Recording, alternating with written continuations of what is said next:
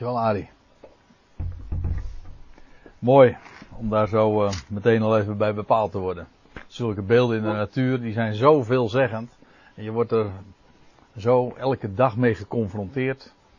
En dan zie je zoiets doods. En in werkelijkheid is het de aankondiging van, van leven. Ja, en feitelijk gaat daar de hele Bijbelse boodschap ook over. En ook het onderwerp van vanavond en Johannes 3, waar we het over hadden en vanavond ook weer zullen hebben, gaat daar ook over. Over nieuw leven. Wedergeboorte staat er uh, in veel Bijbels dan in Johannes 3 vermeld. De achtste studie, zoals u hier ziet op deze, deze eerste dia.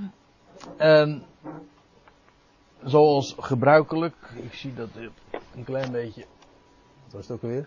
Deze zo, ja. Goed zo?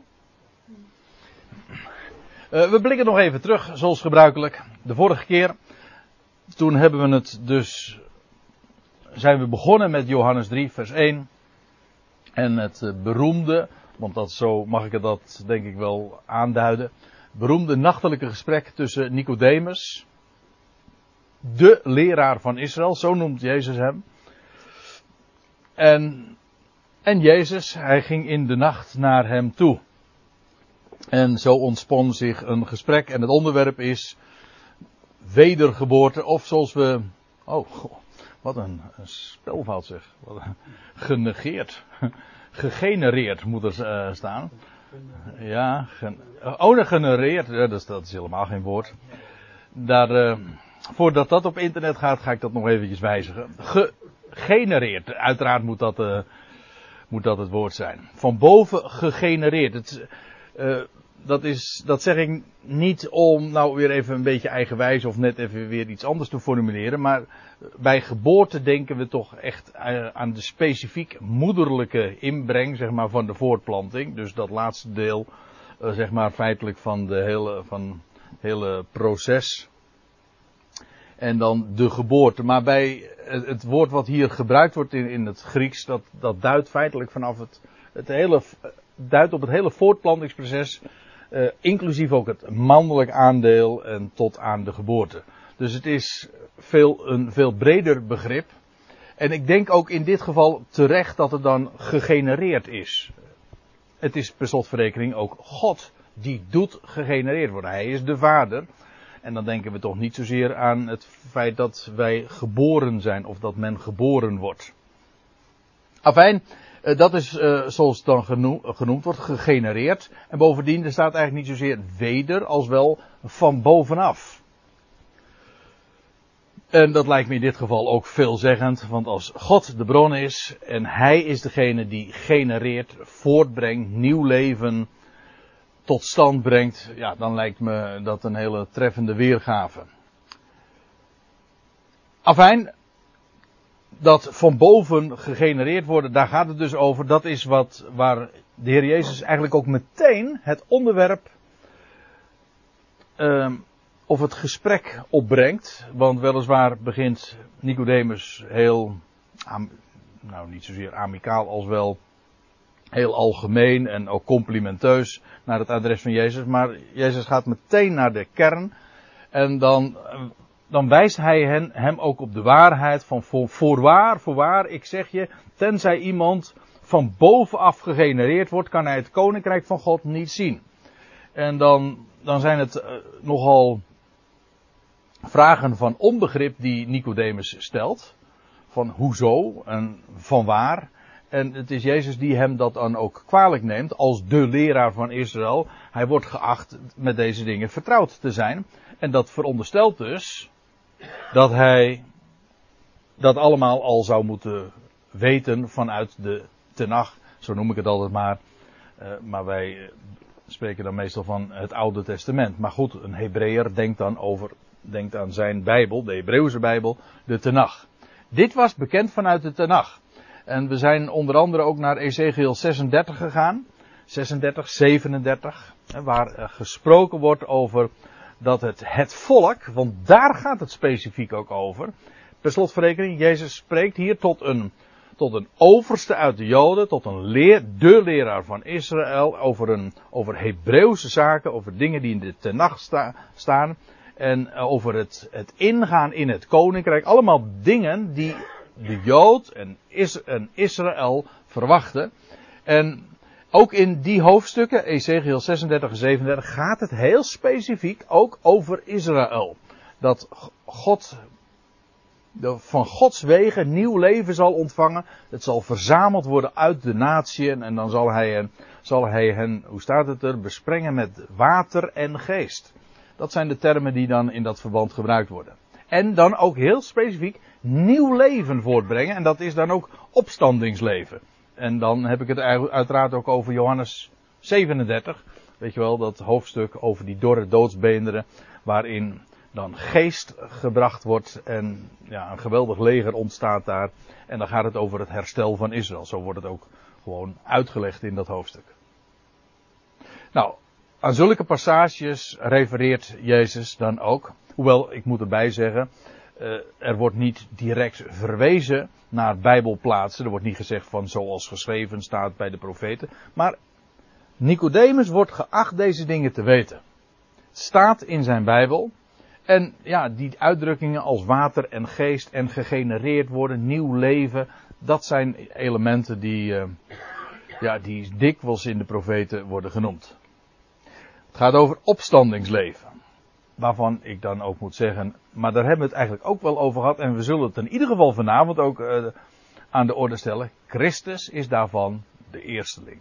Hij is degene die als eerste opstond uit de doden en nieuw leven aankondigt. En terwijl ik het zo zeg, moet ik eraan denken. Ik heb er geen diaatje van. Maar misschien wilt u eventjes met mij meegaan naar handelingen 26.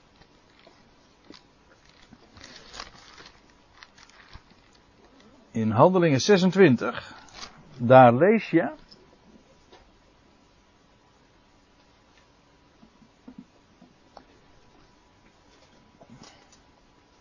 in vers 22. Peter, oh, pardon, Paulus staat daar voor koning Agrippa. En hij verantwoordt zich daar. En dan zegt hij. Nou, laat ik even lezen vanaf vers 21. Hierom hebben de Joden mij in de tempel gegrepen en getracht mij om te brengen. Vers 22 nu. Handelingen 26, vers 22. Als een getuige die hulp van God heeft ontvangen tot op deze dag, sta ik hier dus voor klein en groot, zonder iets anders te zeggen dan wat de profeten en Mozes gesproken hebben. Dat geschieden zou. Namelijk dat de Christus zou lijden en dat hij als eerste uit de opstanding der doden het licht zou aankondigen en aan het volk en aan de natie. Dit is toch wel een hele kernachtige samenvatting van, van, ja, van waar het nou in het evangelie ook om gaat. Namelijk over de Christus die zou lijden, zoals in de boeken van Mozes en de profeten staat geschreven. En als eerste uit de opstanding, als eerste uit de opstanding der doden, het licht zou aankondigen.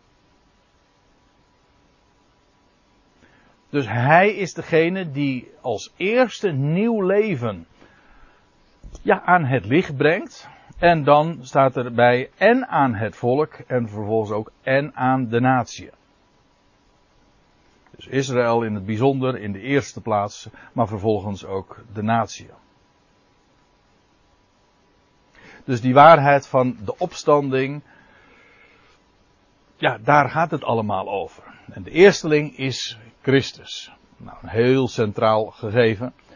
En we hebben ook nog eventjes het gehad over een meer, ja, zo noemen ze dat dan, een impliciete aanwijzing. Kijk, je hebt hele expliciete uitspraken in de profeten die dat zo zeggen. Dat de Christus zou komen en over dat nieuwe leven en over de opstanding. Maar je hebt natuurlijk ook vele verhalen en vele typen die daarin, die daarnaar verwijzen. En met name die geschiedenis van Gilgal, de plaatsnaam Gilgal, weet u wel, aan de overzijde van de Jordaan. Waar het volk besneden werd, ook al zoveelzeggend. Ze waren net de Jordaan doorgetrokken. En op de derde dag was dat trouwens ook nog eens. De Jordaan doorgetrokken, op zich al een beeld van dood en opstanding. En daar aan de andere kant van de Jordaan wordt het volk besneden. En dan staat er ook om de smaadheid van Egypte af te wentelen. Daarom noemde men die plaats Gilgal, wentelen. Dat is wat Gilgal betekent. En ik heb u er ook op gewezen dat dat woord Gilgal ook in het modern Hebreeuws de betekenis heeft van wedergeboorte.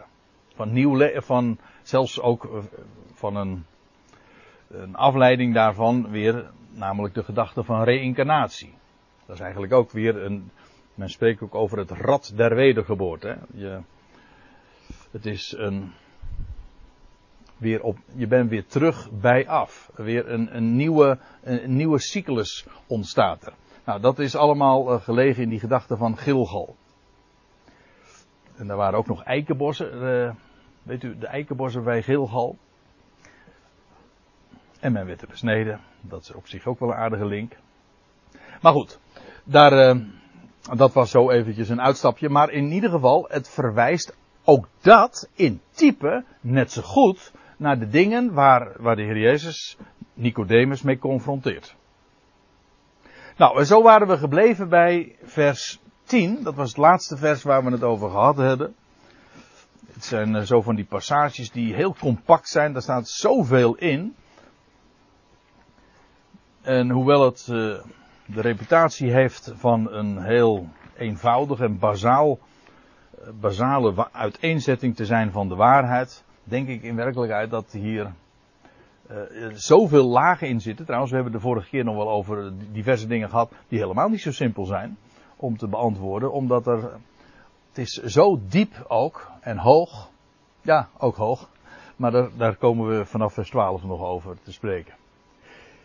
Eerst dit. Opnieuw zegt de Heer, voorwaar, weer, amen, amen. Ik zeg tot jou, enkelvoud, Nicodemus, wij spreken van wat wij weten en wij getuigen van wat wij gezien hebben. En ik heb alle vierde keren dat woordje wij onderstreept, omdat je natuurlijk de vraag dan moet stellen, uh, wie bedoelt Jezus nou met wij? Kijk, hij zegt niet ik, ik, ik spreek van wat ik weet en ik getuig van wat ik gezien heb. Hij sluit zich er wel bij in, want als je zegt wij, dan, dan, dan is dat inclusief hijzelf. Maar wie dan nog meer? Hè? Ja, maar uh, nee, dat kan hier niet, sowieso niet de gedachte zijn, want hij zegt en gij, of, maar dat is dan inderdaad meervoud, maar dat sluit wel Nicodemus dan weer in. En jullie nemen ons getuigenis niet aan. Dus dat kan niet Nicodemus zijn. De vertaling is er vanuit gegaan dat uh, Johannes niet bij zat. Die zeggen ook de naam Johannes en ik. Ah, Johannes de schrijver? Ja. Oh, die heb ik. Uh, staat het in de, de toelichting van de. Ja, nou, ik, ik zal je dit zeggen. Ik denk ook aan Johannes, maar dan niet aan Johannes de schrijver, aan Johannes de doper. Er. Ja, maar jij kon. Ja. Dat vind ik wel een goeie. Dat, dat mag je ook wel van mij verwachten eigenlijk. Dat ik dat kan toelichten. Nou, dat ga ik ook doen. Maar, uh, zoals je ziet. Maar ik, uh, het is één ding om iets te beweren. Een ander ding is het om, het ook te bewijzen. Nee, op zich heb je, is dat wel een sterk punt. Dat Johannes daar uh, ook bij ingesloten is. Uh, maar het is, aan de andere kant vind ik het een beetje zwak, omdat Johannes hier eigenlijk helemaal buiten staat in het gesprek. Ik bedoel, hij wordt helemaal niet vermeld. Het is een gesprek, tenminste, zo, zo wordt, de indruk is in ieder geval die gewekt wordt, een één op één gesprek. Het is niet echt uh, een beslissend tegenargument, maar laat ik eerst eventjes nog dit uh, uh, wat nader toelichten. Ik denk inderdaad aan Johannes de Doper en Jezus. want laten we eens eventjes terugbladeren. We zagen in Johannes 1, dan stond er in het zesde vers, dus vrijwel aan het begin van het Johannesevangelie. Er trad een mens op, van God gezonden, wiens naam was Johannes. En deze kwam als getuige om van het licht, namelijk het woord, te getuigen. Opdat alle door hem geloven zouden. Maar hier dus, kijk, we hebben het dus over, wij spreken van wat wij weten, wij getuigen van wat wij gezien hebben. Nou, wie is die getuige in ieder geval? Vanaf de aanvang van het Johannes-evangelie al, dat is Johannes de Doper. Trouwens, in Johannes, eh, daar gaan we het vanavond niet meer over hebben, maar vanaf vers 22, dan vinden we ook weer een hele, uh, nou, een behoorlijk lange passage, dat ook weer gaat over Johannes de Doper. Johannes de Doper speelt in die eerste hoofdstukken een hele centrale rol. En dan heb ik er nog één. Want als je nou eventjes doorleest in datzelfde Johannes 1, dan staat er in vers 15. Johannes heeft van hem getuigd. En heeft geroepen, zeggende, deze was het van wie ik zeide, die na mij komt, is voor mij geweest. Want hij was eer dan ik. Hij was immers het woord, hè, dat van den beginnen was.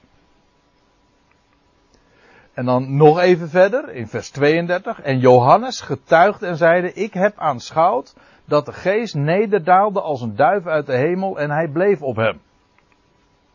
En nog even verder, in vers 34. En ik heb gezien, zegt Johannes dus, hè. En ik heb gezien en getuigd dat deze de zoon van God is. Nou, blijf nou eventjes bij deze, alleen al bij deze gebeurtenis. Want het gaat hier dus over die doop in de Jordaan, vlakbij Gilgal, om zo te zeggen. Ja, daar was het trouwens inderdaad niet ver vandaan. Maar bij de doop in de Jordaan en dat bij die gelegenheid de hemel zich opende, de stem van God klonk en een duif, uh, of de geest in de gedaante van een duif op Jezus neerdaalde. Nou, dat was al uh, zo'n goddelijk getuigenis, of zo'n ja, goddelijke demonstratie. En Johannes is daar ooggetuige van geweest. Uiteraard Jezus ook. Die was per slotverrekening het onderwerp. Maar Johannes heeft dat gezien en hij zegt, ik heb van hem getuigd. En jij getuigde. En ik heb gezien en getuigd dat deze de zoon van God is. Was per slotverrekening die die uit de hemel klonk. Deze is mijn zoon, mijn geliefde in wie ik mijn welbagen heb. Hij heeft dat gehoord en, en, en, en gezien. En daar, daarom kon hij daar ook getuigenis van afleggen. En dat Jezus daar in die Jordaan uh, kopje onderging. Onderging in het water en vervolgens daaruit opsteeg. En toen opende de hemel zich. En toen daalde die duif neer op hem. En ja, werd hij ook gezalfd met de geest. Later lees je ook dat Peter zegt dat was de. Dat, toen werd hij ook, in ieder geval in beeld, de Christus. Hij werd gezalfd met Gods geest. Maar wat ik ermee wil zeggen is. Johannes is dus met recht echt ooggetuige geweest van het feit dat Jezus de zoon van God is. God zelf heeft dat daar, daar aan die oever van de Jordaan uh, betuigd. Vanuit de hemel. En dat was natuurlijk zo'n enorm, ja, bewijs eigenlijk meteen aan de aanvang van Jezus' bediening ook. Johannes was, heeft dat gezien. Uh, Jezus zegt, wij spreken van wat wij weten. Nou, wij weten dat hij inderdaad Johannes de Doper hier ook van gesproken heeft. Hij getuigde daarvan. Getuigen betekent eigenlijk ook dat je spreekt van dat wat je gezien hebt. Per slotverrekening, zo gebruiken wij het ook. Het is eigenlijk een juridische term. Je wordt voor de rechtbank getuig. En wij spreken wat van wat we weten en wij getuigen van wat wij gezien hebben. Wat gezien hebben. Nou, in ieder geval deze dingen, dat ik de zoon van God ben.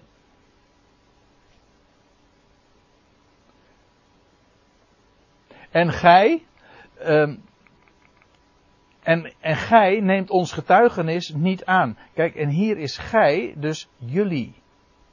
Hier is weer meervoud. Ik zeg jou en jullie nemen ons getuigenis niet aan. Hier wordt dus het volk aangesproken. Het, geeft trouwens ook aan, dat is trouwens nog een, een reden waarom ik niet zozeer denk aan, aan, uh, aan Johannes, uh, de evangelist, degene die dit geschreven heeft. Uh, dat hij met wij, hij zelf en Jezus bedoelt maar echt Johannes de Doper, omdat het Johannes de Doper ook was, die toen in die dagen, en, en Jezus, echt ook een publieke bediening. Zij betuigde aan het volk. Johannes niet. Johannes was een leerling in die dagen, nog niet iemand die echt uh, de. Hè? Hij sprak niet, hij was nog niet erop uitgezonden, hij was nog in die dagen geen apostel. Ik bedoel in de zin dus afgevaardigd om, om te spreken van. Dus ik, het lijkt mij dat er echt maar twee echt in aanmerking komen als getuigen die spreken van wat zij weten en getuigen van wat ze gezien hebben. Nou ja, het staat vertaling, dit was mijn interpretatie. Er staat namelijk Johannes en ik. Dus uh, dat was mijn interpretatie. Dus ik dacht dat het is strijden. Oké, oké. Dus uh, wellicht. Nee, nee. Wellicht dus dat de Statenvertalers, de kanttekenaren, ook gedacht hebben aan Johannes de Doper. Ja, dat denk ik eerlijk gezegd ook. Het zou toch raar zijn en zegt, ik zeg u. Dat is toch de uitspraak van de Heer Jezus zelf. Dat is toch raar als daar ineens de schrijver bij betrokken Ja, dat is niet logisch. Nee, dat, de schrijver staat daar buiten. Die rapporteert dat, maar die... Ja, nee, dat lijkt mij ook.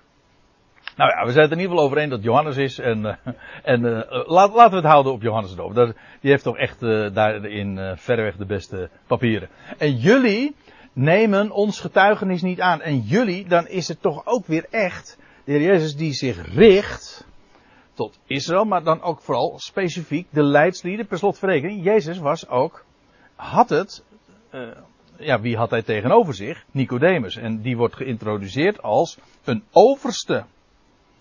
Uh, een overste der Joden, een fariseer. Nou, een overste, dat betekent toch in elk geval dat hij uh, een gezag uitoefende, autoriteit vertegenwoordigde. En een fariseer, dat was een, ja, een leraar, een, een richting binnen het Jodendom. De meest dominante richting. En jullie nemen ons getuigenis desondanks niet aan. Ondanks het feit dat wij weten wat we getuigen. Wij hebben het zelf gezien. Wij zeggen niet zomaar wat. Wij, hebben wij zijn ooggetuigen. Ik vind trouwens ook wel een sterk hoor. Want uh, later in deze avond Tenminste, ja, hangt er een beetje vanaf hoe ver we komen. Maar dan komen we daar nog weer, weer over te spreken. Over, dat, over de waarheid en over getuigenis. Dat zijn, ja, wij hebben daar misschien toch een beetje een te wazig mystiek idee van. Van um, een bepaalde set van leerstellingen uh, accepteren. Nee, het gaat echt over dingen die gezien zijn. En waar getuigenis van afgelegd is. Jullie nemen ons getuigenis niet aan. Oh ja, in het algemeen dan. Nico, van Nicodemus is dat nog uh, maar de vraag, want Nicodemus die heeft het in elk geval wel voor Jezus opgenomen. Zo lezen we later, we hebben dat de vorige keer trouwens ook gezien, ergens in Johannes 7 komt Johannes, uh, die Nicodemus nog aan de orde en pas, en bij de begrafenis van Jezus uh, speelt hij ook een belangrijke rol. Dus Nicodemus was weliswaar een uitzondering, maar in het algemeen was het in ieder geval zo dat de leidslieden van Israël het getuigenis niet aannamen. Indien ik u lieden, ook hier weer meervoud, hè? Jullie. Zo zeggen wij dat niet meer in modern Nederlands, u lieden. Maar indien ik jullie van het aardse, of eigenlijk, ja, het aardse, dat suggereert dat het een enkelvoud zou zijn, maar het is uh, eigenlijk de aardse dingen. Het is namelijk, in het Grieks staat hier overduidelijk een meervoudsvorm. De, dus het is dan niet het aardse, maar de aardse. De aardsen met een N. Ja, en dan vooral in de, in de zin van de hemel, de aardse dingen. Aardse zaken. Indien ik jullie van aardse zaken, de aardse zaken gesproken heb, zonder dat jullie geloven. En volgens mij is de vorige keer al eventjes kortweg uh, aan de orde gekomen, maar als Jezus dit zo zegt, dan bedoelt hij dus ook dat onderwerp waar hij het zojuist over had dat waren aardse zaken. Zaken, want ja, waar hebben we het dan over? Over zaken die hier op aarde plaatsvinden. Uiteindelijk is het ook zo dat als uh, dat wat we lezen in Ezekiel en dat wat er gebeuren zal in de, in de setting van de eindtijd en dat het volk verzameld zal worden en door God verwekt zal worden, dat is iets wat hier op aarde gebeurt. Indien ik jullie van, het, van die aardse dingen gesproken heb zonder dat jullie geloven, hoe dan zult gij, zullen, jullie geloven wanneer ik jullie van het hemelse spreek? En ook hier is trouwens weer het hemelse een meervoud, dus dan krijg je, als je het meervoud zegt, dan is het de hemelsen. Het is altijd enkelvoud, de is meervoud. Hè? Wanneer ik jullie van de hemelsen of de hemelse dingen spreek. En dat roept toch een vraag op. Waarover zou het dan gaan? Tot dusver had Jezus eh, gesproken over de aardse dingen. Dingen die hier op aarde plaatsvinden. Maar nu zegt hij, als jullie dat niet geloven, hoe zouden jullie dan kunnen geloven, hoe, zouden jullie geloven als ik ga spreken over dingen die verband houden met de hemel? Uh, nou ja, ik, ik, geef hier inderdaad meteen al antwoord. Want als hij. Kijk, hier heeft hij het over de hemelse dingen. Maar in het vervolg, we zullen dat zo direct al zien, gaat hij het hebben over de verhoogde zoon des mensen. En als je het hebt over de verhoogde, dan heb je het over degene die nu niet meer hier op aarde is, maar boven in de hemel. En daarmee ook verborgen. En kijk, als Jezus zegt, ik heb van de aardse dingen gesproken, dingen die je kunt zien, die je, waarvan getuigenis is afgelegd, die gewoon geregistreerd zijn, die bij wijze van spreken uh, vastgelegd kunnen worden op de foto. Maar ja, als je het hebt over de hemelse dingen, dan onttrekt zich dat aan de controle. Dat moet je dan maar aannemen dat het zo is, maar controleren kun je niet. Aardse dingen kun je controleren. Hoe zullen jullie dan geloven wanneer ik van het hemelse spreek? De hemelse dingen spreek. Want daarover zou hij gaan spreken. In ieder geval. Dat is wat hij toch hiermee zegt. En dan zegt hij, en ja, en dan zegt hij, dat is nou maar de vraag. Dat is maar de vraag. En niemand is opgevaren naar de hemel dan die uit de hemel neergedaald is, de zoon des mensen.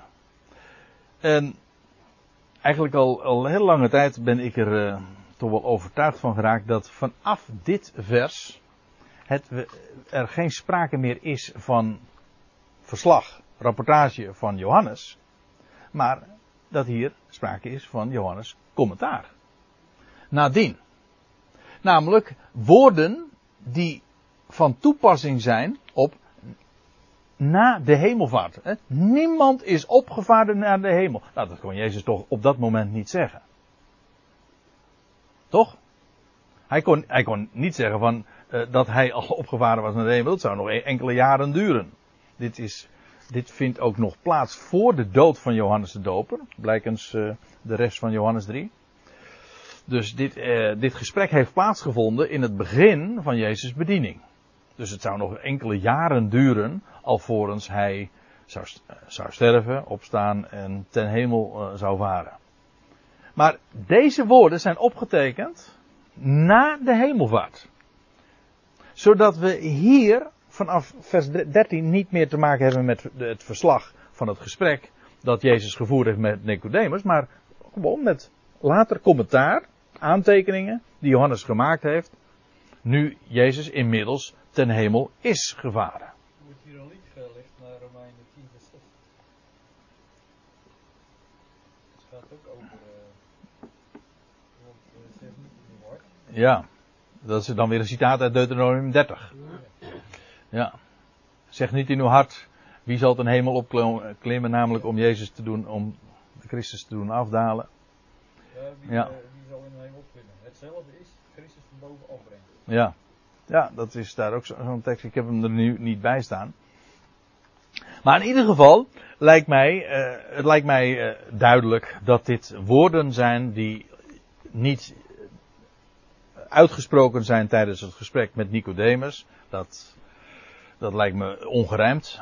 Maar nadien, na, toen Johannes dit optekende, ja, toen kon hij inderdaad zeggen van, ja, niemand is opgevaren. Dus dit zijn eigenlijk toelichtende opmerkingen, aantekeningen of voetnoten, net hoe je het noemen wil. Eh, op dat gesprek dat de Heer Jezus gehad heeft met Nicodemus. Kijk, en dat is eigenlijk ook wel logisch, want dan is dus eigenlijk dit twaalfde vers het laatste, het laatste wat genoteerd wordt van dat gesprek dat Jezus gevoerd heeft met Nicodemus. En dan, dan, dat gesprek eindigt dan, althans de verslaggeving van dat gesprek, eindigt met, hoe zullen jullie geloven wanneer ik van de hemelse dingen spreek? En dan is het Johannes die vervolgens gaat toelichtende opmerkingen gaat maken. Namelijk over die, over die hemelse dingen. Ja. Hoezo hemelse dingen? Nou, zegt Johannes, niemand is opgevaren naar de hemel. Hmm. Dan die uit de hemel neergedaald is. Er zit hier trouwens nog een, een punt uh, aan vast. Ja, je. En dat is in elk geval ook dit gegeven, dat hiermee wordt verondersteld dat er maar één, Johannes tekent dit op, na de hemelvaart, en dan zegt hij, niemand is opgevaren naar de hemel. En wij, ik weet wel, gangbaar is om dan te zeggen van, jawel, er zijn er wel, er zijn er twee eerder opgevaren naar de hemel. Namelijk, eerst Henoch en later Elia. Ja, maar één ding moet je dan toch vaststellen, dan, als je het zo zegt, dan, dan conflicteert dat met wat Johannes zegt. Niemand is opgevaren naar de hemel. En als daar al sprake is van een hemelvaart, en dat op zich zou je dat kunnen verdedigen, in ieder geval bij Elia, dan uh, moet je er toch wat uh, bij zeggen. Van Henoch lezen we, nou sowieso niet over hemelvaart, maar van Henoch lezen we dat hij werd overgezet. Ik wil daar nou niet, nu niet te, te diep op ingaan. Maar Henoch, hij we weten van Henoch, hij profeteerde in zijn dagen. En tegen de, de, eh, de goddelozen in zijn dagen. En ja, zoals dat gaat met profeten. Die zijn niet erg geliefd, want ze brengen de waarheid aan het licht. En wat ze dan, de meest effectieve manier om die stem te smoren, is gewoon om de profeet een kopje kleiner te maken. En kennelijk is dat met, uh, met Henoch uh, ook gebeurd. Er staat, hij heeft, hij heeft de dood niet gezien. Dat wil zeggen, ze hebben hem kennelijk beraamd te vermoorden. Maar hij, hij werd overgezet. Er staat in onze vertaling, de MBG-vertaling, hij werd opgenomen, maar dat is niet het woord wat gebruikt wordt. Er staat letterlijk een woord dat, dat, dat betekent overgezet, verplaatst. Ja, ja, ook nog, ja. Ja. Hebreeën, Hebreeën 11 vers 5.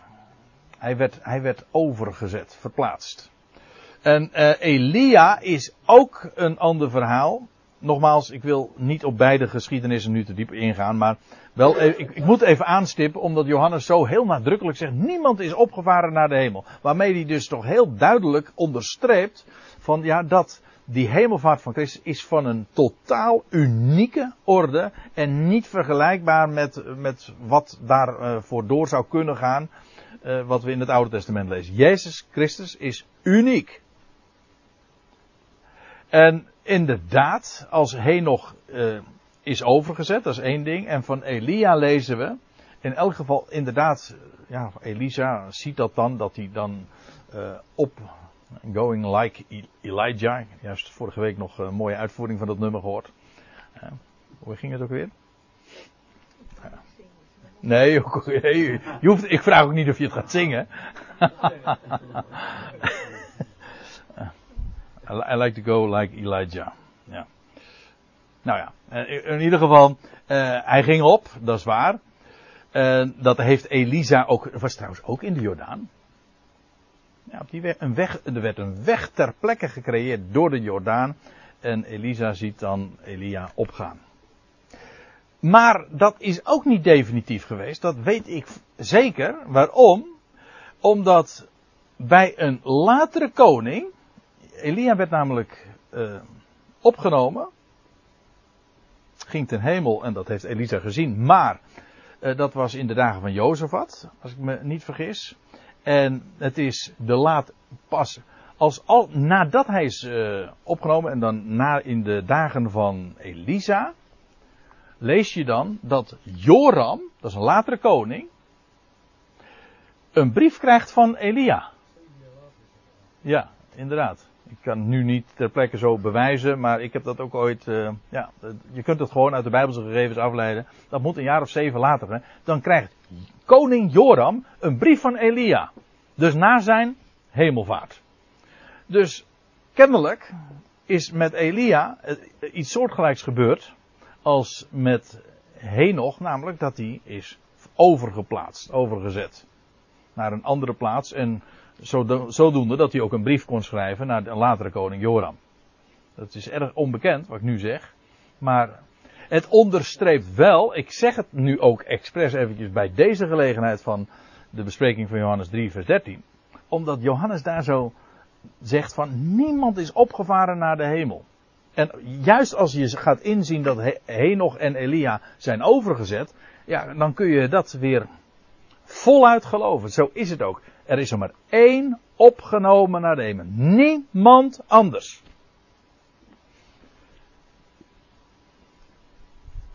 Niemand is opgevaren naar de hemel dan die uit de hemel neergedaald is. Dat is een waarheid trouwens die in het Johannes-evangelie meerdere keren wordt gebezigd. In Johannes 6, vers 38, daar komen we later nog op. Maar dan zegt de Heer, ik ben van de hemel neergedaald, niet om mijn wil te doen, maar de wil van hem die mij gezonden heeft.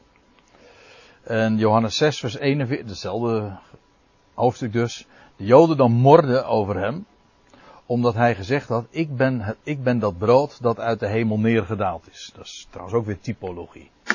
Dan gaat het over die geschiedenis dat het, de vaderen in de woestijn aten van het manna. En dan zegt de Heer Jezus van, ik ben dat manna. Ik ben dat brood dat uit de hemel is neergedaald. Dat wil zeggen, dat brood dat spreekt van mij. Spreekt van, brood spreekt van het woord uiteraard. En de Heer Jezus is het woord. Dat van de beginnen al was. God sprak van den beginnen en de Heer Jezus is dat vlees geworden woord. En vandaar uit de hemel nedergedaald. Niemand is opgevaren naar de hemel dan die uit de hemel neergedaald is. Er zijn trouwens nog meer passages in het Johannes-evangelie. We komen dat vanzelf nog tegen. Maar deze lijken me wel heel duidelijk. Hij zegt trouwens ook, niemand is opgevaren in de, als, als voltooid dan degene die uit de hemel is nederdalende. Staat eigenlijk in de, in de tegenwoordige tijd. Hij, hij is nederdalende uit de hemel. Dat wil zeggen, voortdurend komt dat woord, dat wat hij sprak, wat hij was, dat kwam voortdurend van boven. Henoch en Elia waren natuurlijk aards. Die gaan sowieso niet van boven. Ja.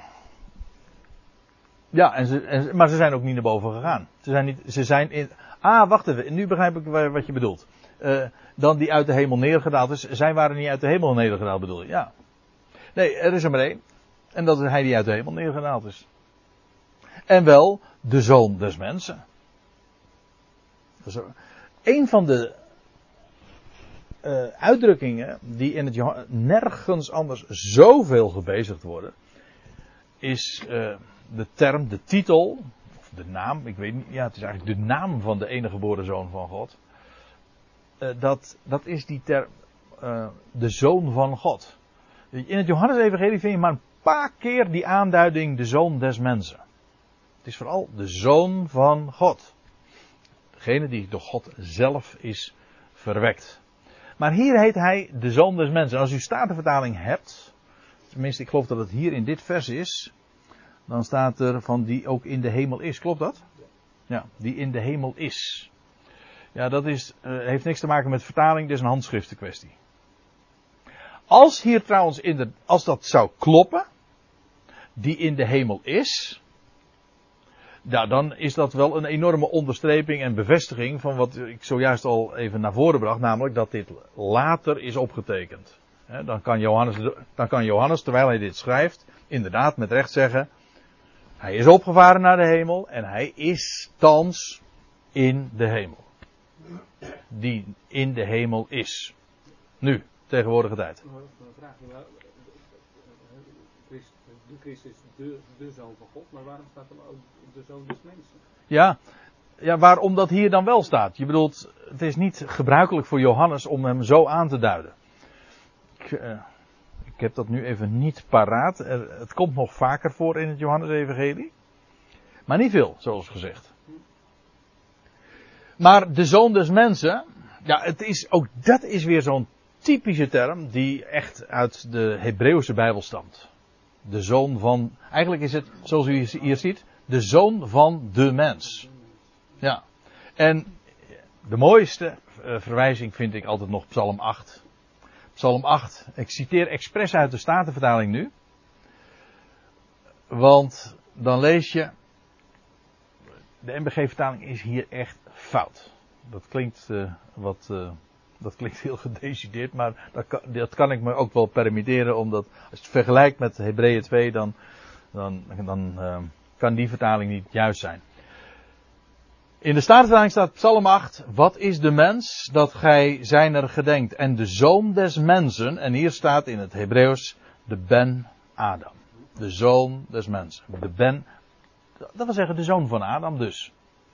Ik vind ik zoveel mooier. Ik, persoonlijk, ik, ik uh, hou er niet zo van om over uh, de zoon des mensen te spreken, omdat het namelijk zo algemeen is. De zoon van de mensen, ja, dat, dat is elk, elke man zou zich een zoon van een mens kunnen noemen, of zoon van de mensen. Nee, maar het gaat over, hij is de zoon en in de bijbelse zin ook de erfgenaam van Adam. Niet zomaar de mensen in het algemeen, maar de mens. En het prototype van de mens. Ik bedoel gewoon Adam dus. En ja, dat is nog des te sterker, omdat juist ook in Psalm 8, dan gaat het over, over de Adam aan wie alles is onderworpen. En dat herinnert dus eerst inderdaad aan on, ons aller stamvader. Ja, maar nu gaat het over de zoon van Adam, de Ben-Adam. Wat is de mens en, uh, uh, dat gij zijn er gedenkt en de zoon van Adam, de Ben-Adam, dat gij hem bezoekt. En, en dan even verder in vers 6 dus. Nee, gewoon na volgende vers. Gij hebt hem een weinig minder gemaakt dan de engelen. En gij hebt hem met eer en heerlijkheid gekroond. De MBG-vertaling zegt, gij hebt hem bijna goddelijk gemaakt. Maar ik zal u vertellen, er staat echt, gij hebt hem weinig minder gemaakt dan de engelen. En de schrijver van de Hebreeënbrief is daar heel erg mak, uh, duidelijk en ook streed in.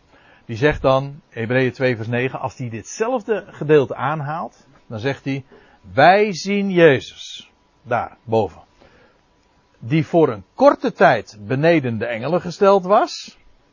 Hoezo beneden de engelen? Nou, dat zegt hij erbij, vanwege het lijden des doods. Engelen sterven niet. En aangezien hij is, heeft geleden, namelijk de, de, de dood is gestorven, het lijden des doods heeft ondergaan, is hij gedurende die tijd beneden de engelen gesteld. Het is heel logisch. Hij is een korte tijd beneden de engelen vanwege het lijden van de dood. En dan zegt hij erbij, dat is opdat hij door de genade van God voor een ieder, de voor een ieder de dood zou smaken. En wij zien Jezus met eerlijkheid en eer gekroond. En hier zie je dus, er zijn twee bewijzen dat het hier inderdaad gaat over Jezus Christus. Dat, dat David, de psalmist, hier in Psalm 8 daarover spreekt. Gij hebt hem een weinig minder gemaakt dan de engelen. Namelijk, kijk, alle mensen sterven, maar hij is voor een hij is voor een korte tijd beneden de engelen gesteld vanwege het lijden van de dood. En nu is hij vervolgens met eer en heerlijkheid gekroond. Waarmee trouwens ook nog weer gezegd is dat dit dus gaat over eer en heerlijkheid die voorbij het graf ligt. Voorbij het lijden des doods. Het gaat hier over dus de opgestane. Hij is gekroond met leven, met eer en met heerlijkheid. Met de heerlijkheid dus ook van opstandingsleven, van echt leven. Kijk, dat is die Ben Adam. En als je. Leg nou even die link ook met Johannes 3. Want je, jouw vraag, Arie, zojuist was. Uh, hoe, waarom noemt hij hem eigenlijk zo? Waarom noemt hij hem nou. Even terug. Uh, niemand is opgevaren naar de hemel dan die uit de hemel nederdalende is. De Ben Adam. Hoezo? Nou, die Ben Adam, weet je wel, uit Psalm 6 die voor een korte tijd beneden de engelen gesteld is, maar die nu gekroond is met heer en eer en heerlijkheid. Dat wil zeggen, verhoogd is. En dus opgevaren naar de hemel. Dus een hele zinvolle aanduiding is dat om, om hem dan hier ook zo te noemen. De Ben Adam.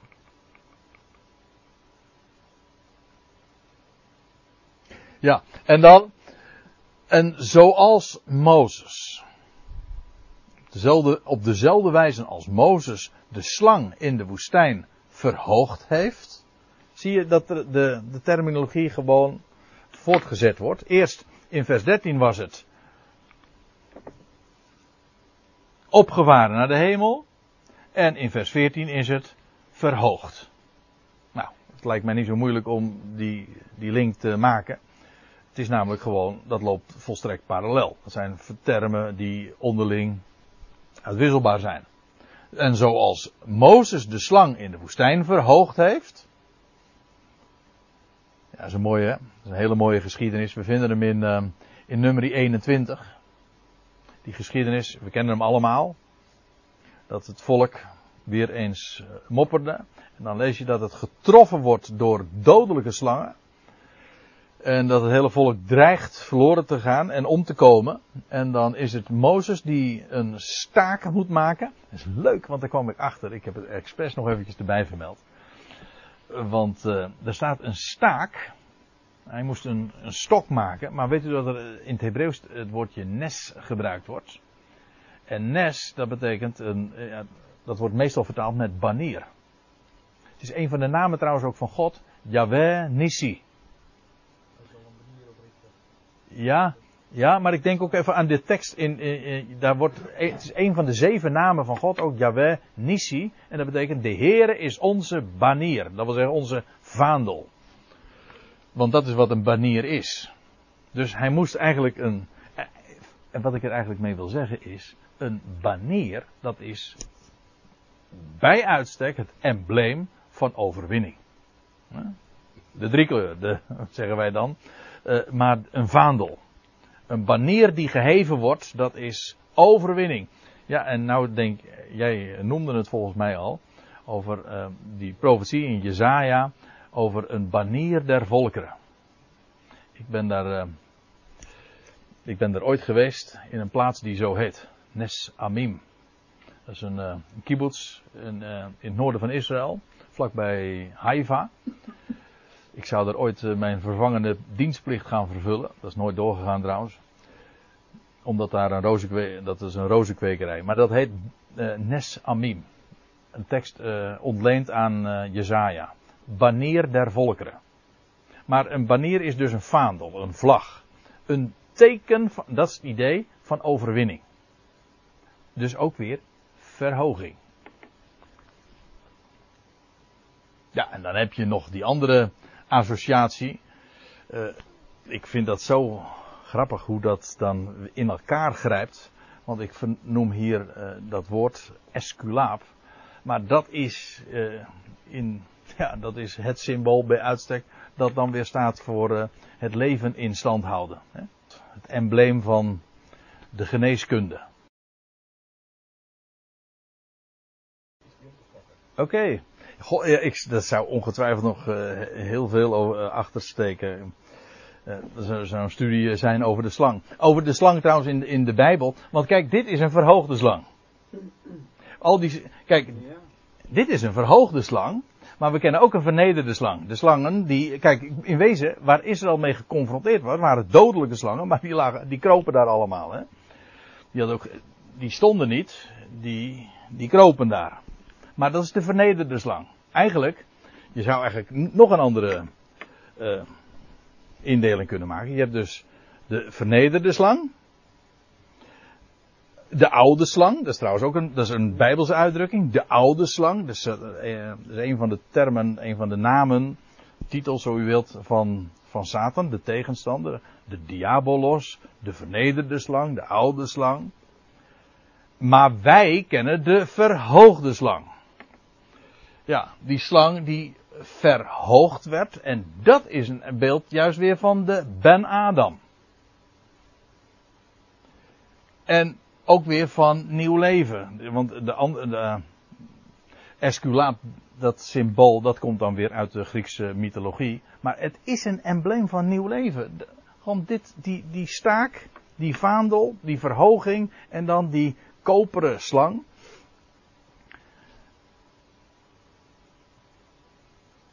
Ja. Jij wees nu net over, uh, op die, die cobra. En ik denk nog aan een andere uh, uh, gedachte. En namelijk dat de slang ook helemaal uit zijn huid kruipt. Hè? Hij laat het oude met recht ook helemaal achter, zijn velletje. Hij kruipt daar helemaal uit en als vernieuwd. Ik heb dat destijds al gezien, want ik heb in het verleden gewerkt tussen de slangen. Ja, geloof het niet, hè. Ik werkte op een kwekerij, een biologische kwekerij e- met een eco-keurmerk. En daar werd, werd, geen vergif ingezet, maar, uh, maar korenslangen, Amerikaanse korenslangen. Die waren zo ongeveer zo groot. Niet giftig, maar het waren wurgslangen. Maar ze wurgden alleen maar zulke muisjes hoor. Ze, ze konden wel lelijk bijten, dat wel. Maar in elk geval, dan zeg je dat soms. Als die zo'n slang zich. Uh, dan werden ze op een gegeven moment heel dof van kleur. En dan leek het net alsof ze bijna dood gingen. En dat, dat ze worden dan ook haast uh, ja, zonder beweging, zit er geen energie meer in. Dus het is eigenlijk ook een uitbeelding van een stervensproces. En op een gegeven ogenblik, dan kruipt hij helemaal uit, die, uit zijn huid. En dan zie je die, die, die slang, die oude, de oude slang zeg maar, zie je daar gewoon liggen, leeg. En dan de nieuwe slang, die is dan weer zulke schitterende, heldere, getekende kleuren, die daar uitgekropen is. Ja, en dat, wellicht dat dat ook dan met dat esculaap te maken heeft, dat we zeggen, hij laat het oude achter en als totaal vernieuwd, als herboren, een nieuw leven, komt hij daar weer uit tevoorschijn. Dus er zijn heel wat van dat soort uh, associaties. Ik zou bijna zeggen, waarom hebben ze wel niet van goud gemaakt? Onafhankelijkheid. Ja. Hij is wel vuurbestendig. Hm? De koper, hè? ook. Hout. Goud ook. Oh, ga ja, goud ook, ja. Ja. Zo. Uh, zullen we trouwens eerst eventjes hier beladen, want ik zie dat het al 9 uur is.